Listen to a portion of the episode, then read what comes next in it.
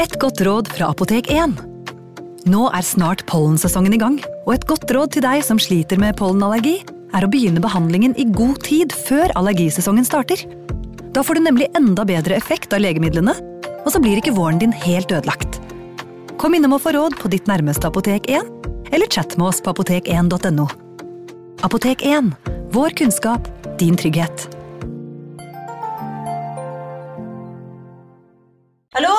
Jeg kommer fra Oslo politikammer. Ine Jansen er purk. Er du purk? The motherfucking bitch. Alt jeg vil, er å finne ut hva som skjedde med mannen min. Jon Carew. Er jeg sikta for noe? Iben Akeli. Det er du. Ole So, Lars Berrum og Big Daddy Karsten. Hvem sin side er du på, egentlig? Anette Hoff, Tone Danielsen, Kommer du fra Afrika? Jørnis Josef, Nesten kløfta. Trond Espen Seim, Det er synd å si det, men det var feil mann som døde. Purk. Premiere tirsdag på TV2 Play. Ungsamtalen fra DNB er økonomisk veiledning tilpasset deg som er ung. Bokk en ungsamtale på dnb.no. slash ung. Det er kjempebra hvis du skal inn på boligmarkedet, hvis det er drømmen din, liksom. Det er det du skulle sagt. Og så kunne du ropt litt mer, da, sånn som jeg gjorde. Bam! Advarsel. Denne podkasten inneholder skildringer av ekte drap og kriminalsaker som kan være støtende for enkelte. Det advares også mot sterke inntrykk i deler av episoden. Det er den 22. mars 1999. En stille dag i Elephant Butte i New Mexico, som hver dag hadde for vane å være. Elephant Butte var en slags oase i den ellers uutholdelig varme New Mexico-ørkenen. Et lite samfunn kjent for sin innsjø og sin markante fjellformasjon som bærer en viss likhet med en elefant. Dette var med på å gjøre Elephant Butte til et populært feriested der man kunne få varmt vær og sjelefred til en billig penge. Klokken var kvart over tre på ettermiddagen, folk nøt antageligvis det flotte været. Noen koste seg kanskje med piknik langs innsjøen, andre var ute med båtene sine. Alle disse var i ferd med å bli vitne til noe som skulle rive dem ut av denne idyllen. Dørene på en husvogn brytes opp, og ut stormer en naken og livredd kvinne. Hun er farget rød av blod, som fremdeles renner fra hodet hennes. Resten av kroppen er gul og blå. Det er merker fra de mange slagene hun har blitt utsatt for. Det eneste hun har på seg, er et metallhalsbånd med en stor hengelås. Etter seg sleper hun en halvannen meter lang kjetting som er festet til halsbåndet. 22 år gamle Cynthia Virgil løper for livet, fast bestemt på å komme seg så langt unna husvognen som mulig. Cynthia aner ikke hvor hun er. Hun er for svak og utmattet etter tre dager i fangenskap. Den sterke ørkensolen blender henne, men hun vet at hun ikke kan stanse. Ikke hvis hun ønsker å overleve. Cynthia hadde over disse tre dagene blitt utsatt for brutal mishandling både fysisk og seksuelt i et slags torturkammer som snart ville få tilnavnet The Toybox. Til tross for denne umenneskelige behandlingen ga Cynthia aldri opp. Da muligheten åpnet seg, samlet hun det hun hadde igjen av styrke, grep tak i en ishakke og gikk til angrep på en av personene som holdt henne fanget.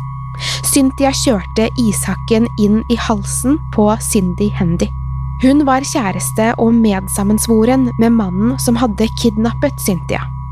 Cindy rakk å knuse en lampe over hodet til Cynthia i alt oppstyret.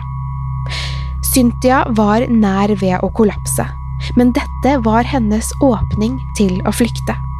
Hun la på sprang så raskt hun kunne, men Cindy lå igjen blødende på gulvet. Hun var fri, men Cynthia trengte hjelp, og det fort. Hun løp forbi bobiler og andre husvogner, men så ingen tegn til mennesker. Da hun nådde veien og så en bil passere, forsøkte hun å skrike, men det kom ingen lyd.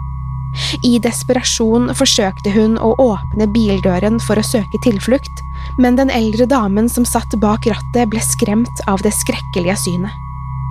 Cynthia var antageligvis et merkelig skue, naken, dekket av blod, og den gamle damen låser døren innenfra og kjører av gårde i full fart. Det tar ikke lang tid før en ny bil dukker opp, men også denne unngår Cynthia og kjører av gårde. Til slutt søkte Cynthia tilflukt i en av de nærliggende husvognene, og hun får endelig hjelp av innehaveren som ringer politiet. Kvinnen som eier husvognen, forsøker å trøste Cynthia og gir henne klær for å dekke seg til. Når politiet ankommer, forteller Cynthia sin dramatiske historie. Hun ble kidnappet av en mann og en kvinne i Albuquerque og i tre dager holdt fanget, voldtatt og torturert. Mannen og kvinnen hadde tatt nytelse i å behandle henne som en sexslave, mens de mishandlet og misbrukte henne på det groveste. I tillegg til de seksuelle overgrepene hadde Cynthia også blitt pisket, slått og gitt støt gjentatte ganger. Cynthia forteller også at gjerningspersonene holdt til like ved, der hun ble holdt fanget i deres lydtette torturkammer. Politimennene lytter i sjokk til Cynthias fortelling, ute av stand til å forstå at noe som dette kan skje på et sted som Elephant Butte. Kort tid etter drar en av politimennene for å etterforske en adresse bare noen hundre meter unna. Nødsentralen hadde blitt oppringt fra denne adressen, men personen som ringte, hadde raskt lagt på røret. Da de forsøkte å ringe nummeret opp igjen, hadde kvinnen i andre enden nektet for å ha ringt nødnummeret, og de bestemte seg for å sende en politibetjent for å sjekke om alt var i orden. Politimannen ankommer adressen og ser at døren til husvognen står åpen, og bestemmer seg for å entre huset. Han vil sjekke at det ikke er noen som trenger nødhjelp på innsiden. Huset er tomt, men bærer preg av at noen har dratt av gårde i all hast. Når han entrer soverommet, forstår han raskt at noe er veldig galt. Det er knust glass overalt, og sengetøyet er dekket av blod. Han reagerer også på det som fremstår som avanserte sexleketøy og kjettinger som henger fra taket. Kort tid etter blir Cindy Hendy og mannen i bobilen med henne stoppet av politiet og beordret om å forlate kjøretøyet. Ut av bilen kommer Cindy, fremdeles dekket av blod, med et dypt kutt i nakken men også 59 år gamle David Parker Ray. De blir arrestert på stedet, og begge lagt i håndjern. Dette er historien om David Parker Ray, en sadistisk seriemorder som senere skal bli kjent under et annet navn, The Toybox Killer. Velkommen til True Crime Podden.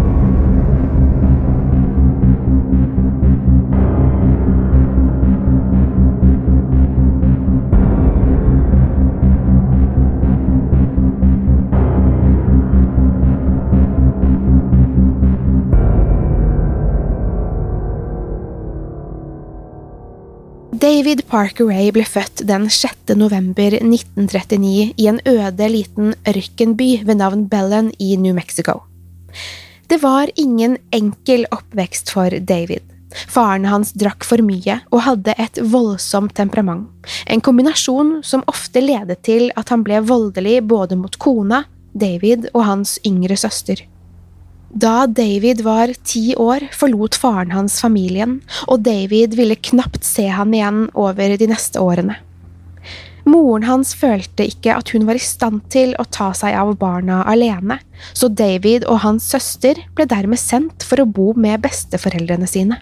Dette var begynnelsen på en hard tilværelse for David, da bestefaren var en streng mann opptatt av å innføre disiplin og gudstro i barna. Det var forventet at han og søsteren jobbet både dag og natt på familieranchen. David var en lang og tynn gutt som på denne tiden fremsto veldig nervøs og usikker, særlig i møte med jenter. Han ble i perioder mobbet for det og sett på som annerledes av mange av de andre barna. Flere mente at Davids bestefar hadde bidratt til å forsterke dette. David var nemlig livredd for bestefaren sin, som slo han ved det minste tegn til ulydighet. Kanskje var også dette årsaken til at David tidlig i tenårene begynte å misbruke alkohol og rusmidler. David oppdaget etter hvert en lidenskap for motorer. De var med på å gi han selvtillit. Besteforeldrene ga David som 13-åring en scooter som han raskt lærte å skru fra hverandre og remontere. Denne lidenskapen fulgte ham resten av livet, og snart ble det til en karriere. David viste allerede i disse tidlige årene en fascinasjon for pornografi, og han var særlig interessert i BDSM, spesifikt å binde og torturere kvinner. Ifølge Cindy Hendy skrøt David av å ha drept sitt første offer allerede i tenårene, en kvinne han påsto å ha bundet til et tre og torturert til døde. Det er fremdeles uklart hvorvidt dette er sant, eller om det bare var en seksuell fantasi som løp løpsk. David Parker Ray ville i alle fall villig fortelle om sine mange overgrep og drap til Cindy, noe han gjorde med en forskrudd stolthet. I 1957 døde Davids bestefar plutselig. Han og søsteren ble splittet, og David bodde i en periode med moren sin i Albuquerque. David fullførte aldri skolen, men får seg etter hvert jobb som mekaniker. I 1959 møtte han en jente som ble hans første kone, men David forlot henne mens hun var gravid, og vervet seg til militæret. Her fortsetter han å arbeide som mekaniker, noe han også fortsetter med etter at han forlater militæret. Ekteskapet tok slutt, og da ingen av dem virket i stand til å ta seg av et barn på egen hånd, ble parets sønn oppdratt av Davids mor. Over de neste årene giftet David seg med tre andre kvinner, men alle ekteskapene viste seg kortvarige. David får et barn til, en datter som får navnet Glenda Jean Ray, som også ville gå under navnet Jessie. David og Jessie dannet et veldig tett bånd et bånd som ledet Jesse inn i en destruktiv og farlig retning. David levde i disse årene et ustrukturert og utsvevende liv som inkluderte en hippieperiode, før han plutselig vendte tilbake til et tilsynelatende normalt familieliv. Han forsøker å være en god far for sin datter og stesønn. David utdanner seg til å bli flymekaniker og får etter hvert en prestisjefylt jobb der han underviser. På overflaten så det ut som at David Parker Ray hadde funnet en viss stabilitet i livet, men samtidig var det krefter i han som ikke kunne styres. Fascinasjonen for BDSM var like sterk som tidligere, og David oppsøkte jevnlig prostituerte for å få utløp for fantasiene sine. Disse fantasiene ble etter hvert mer voldelige av natur, og nådde et punkt der drap var det eneste som klarte å gjøre ham oppspilt. Det er fremdeles uvisst om David handlet på disse tankene, eller hvorvidt de forble fantasier, men David begynte i alle fall i denne perioden å planlegge mer ondsinnede metoder for å få utløp for lystne. Datteren hans, Jesse, fortalte senere at David hadde for vane å kidnappe, voldta og torturere kvinner før han kjørte dem til Mexico, hvor han solgte dem som slaver. Etter hvert begynte David å designe det som skulle bli hans base for ugjerningene.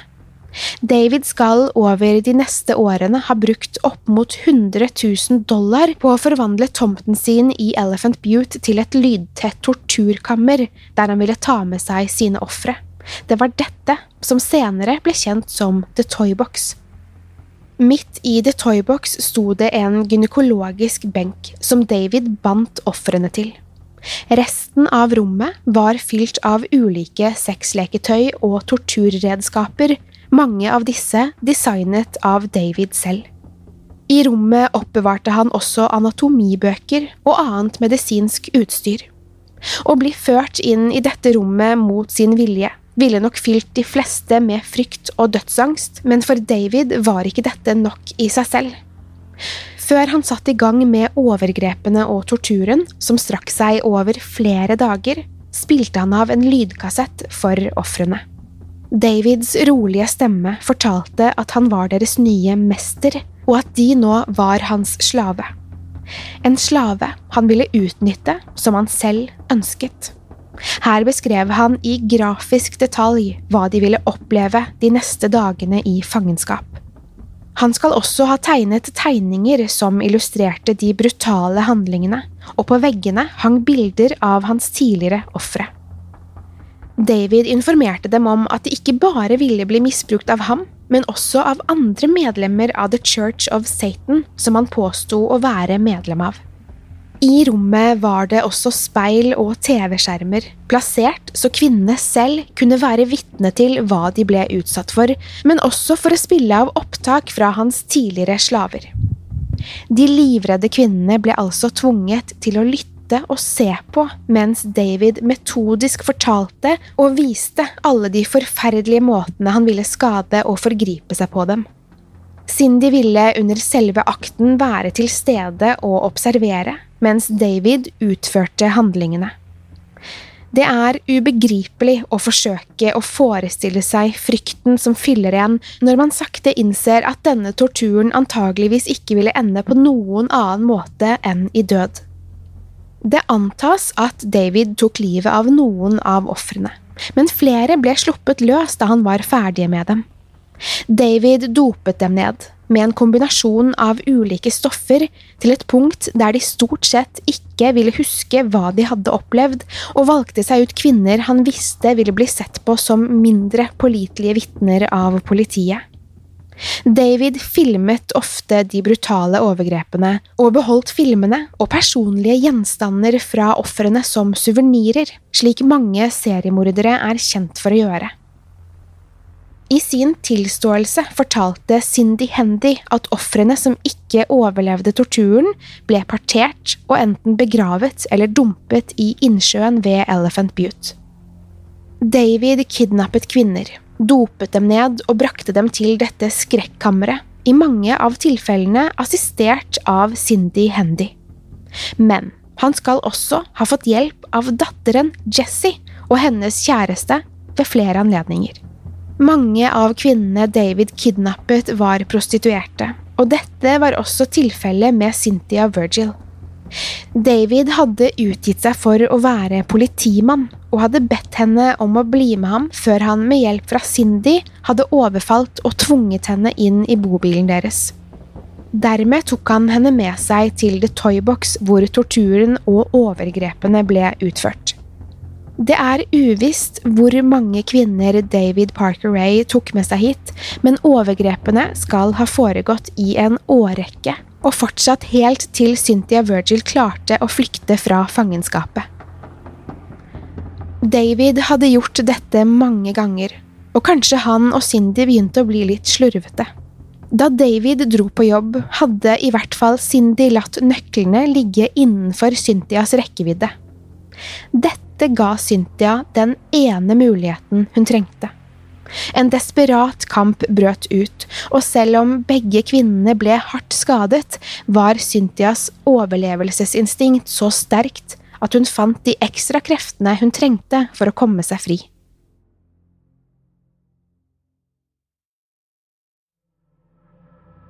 Da politiet arresterte David og Cindy, tok det ikke lang tid før de fant bevisene som bekreftet Cynthias historie. Selv de mest erfarne politietterforskerne lot seg sjokkere av funnene de gjorde i The Toybox. De begynte raskt å spekulere i omfanget av Davids gjerninger, og søkte etter kvinnene fra videoene de fant i Davids torturkammer.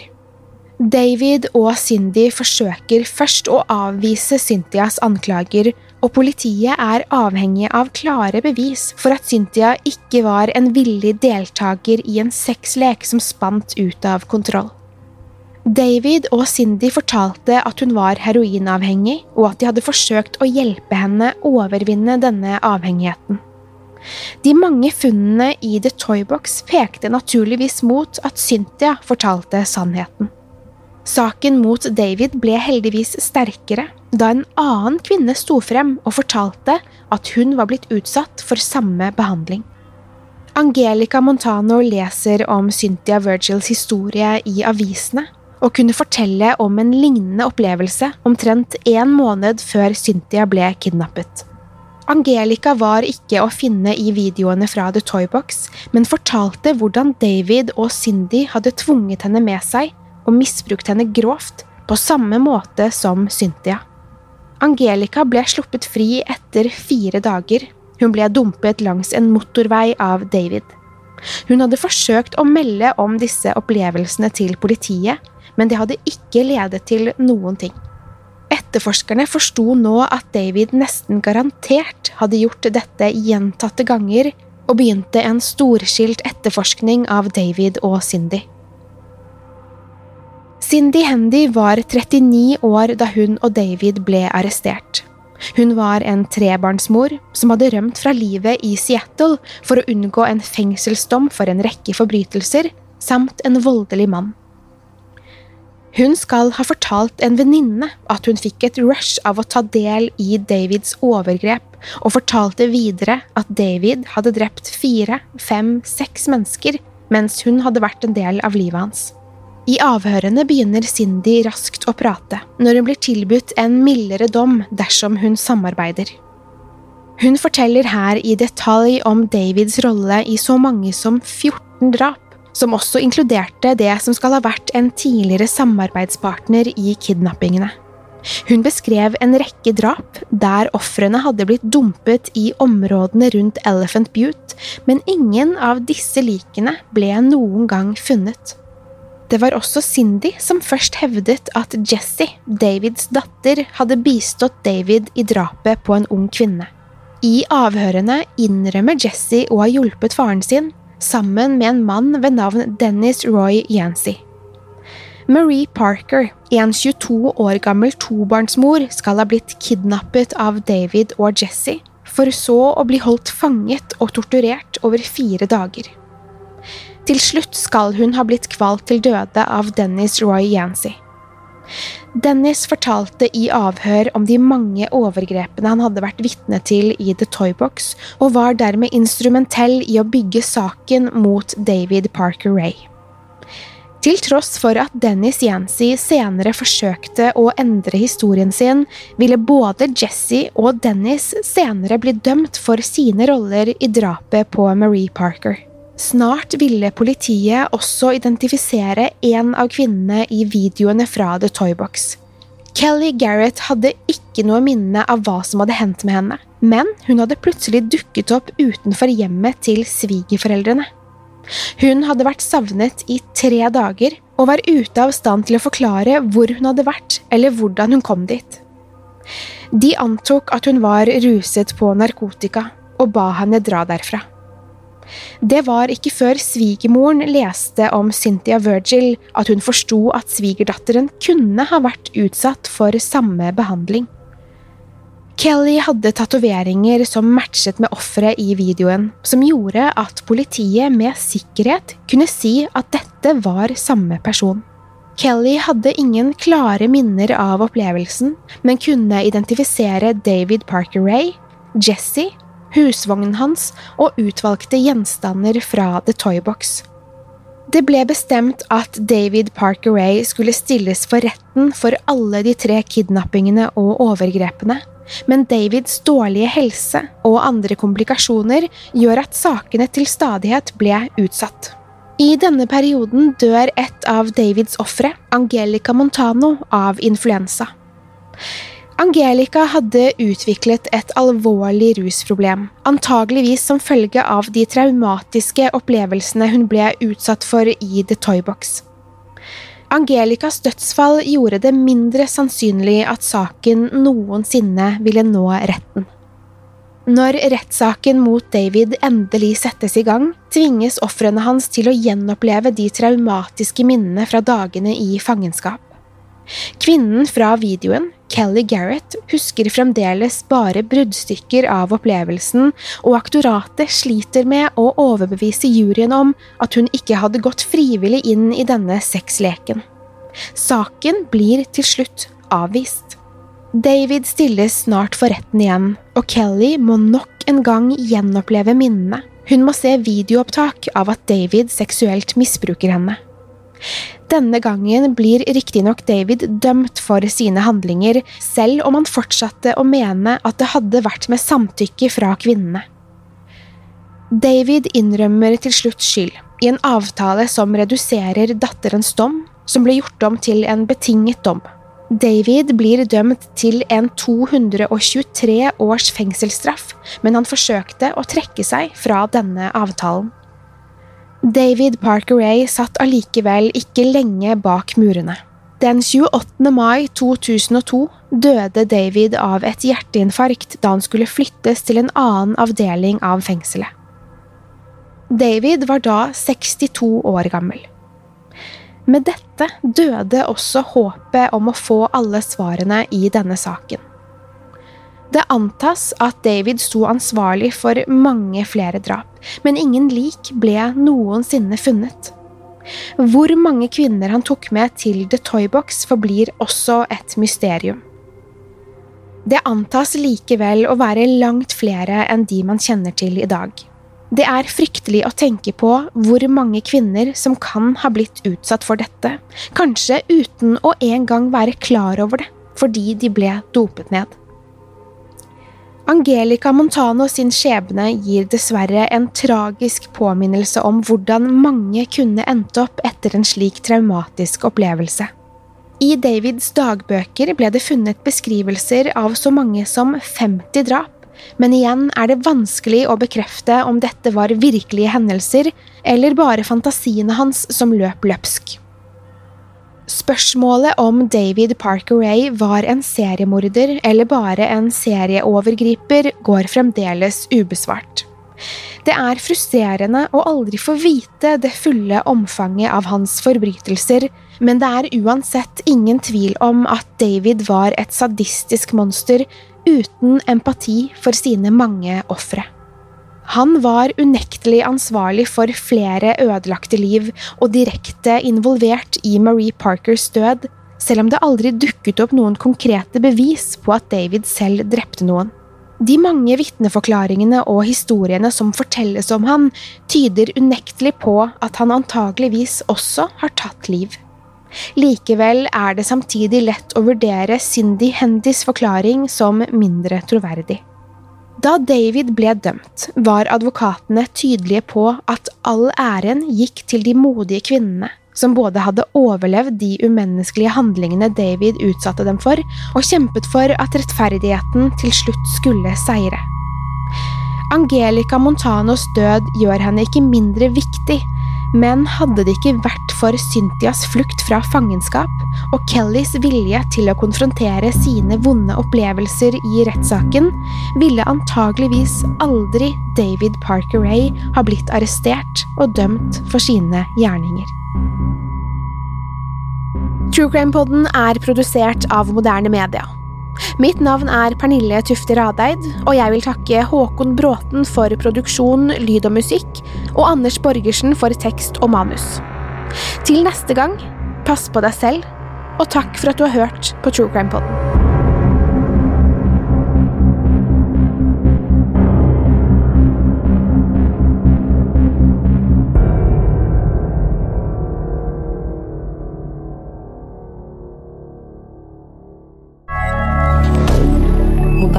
Media.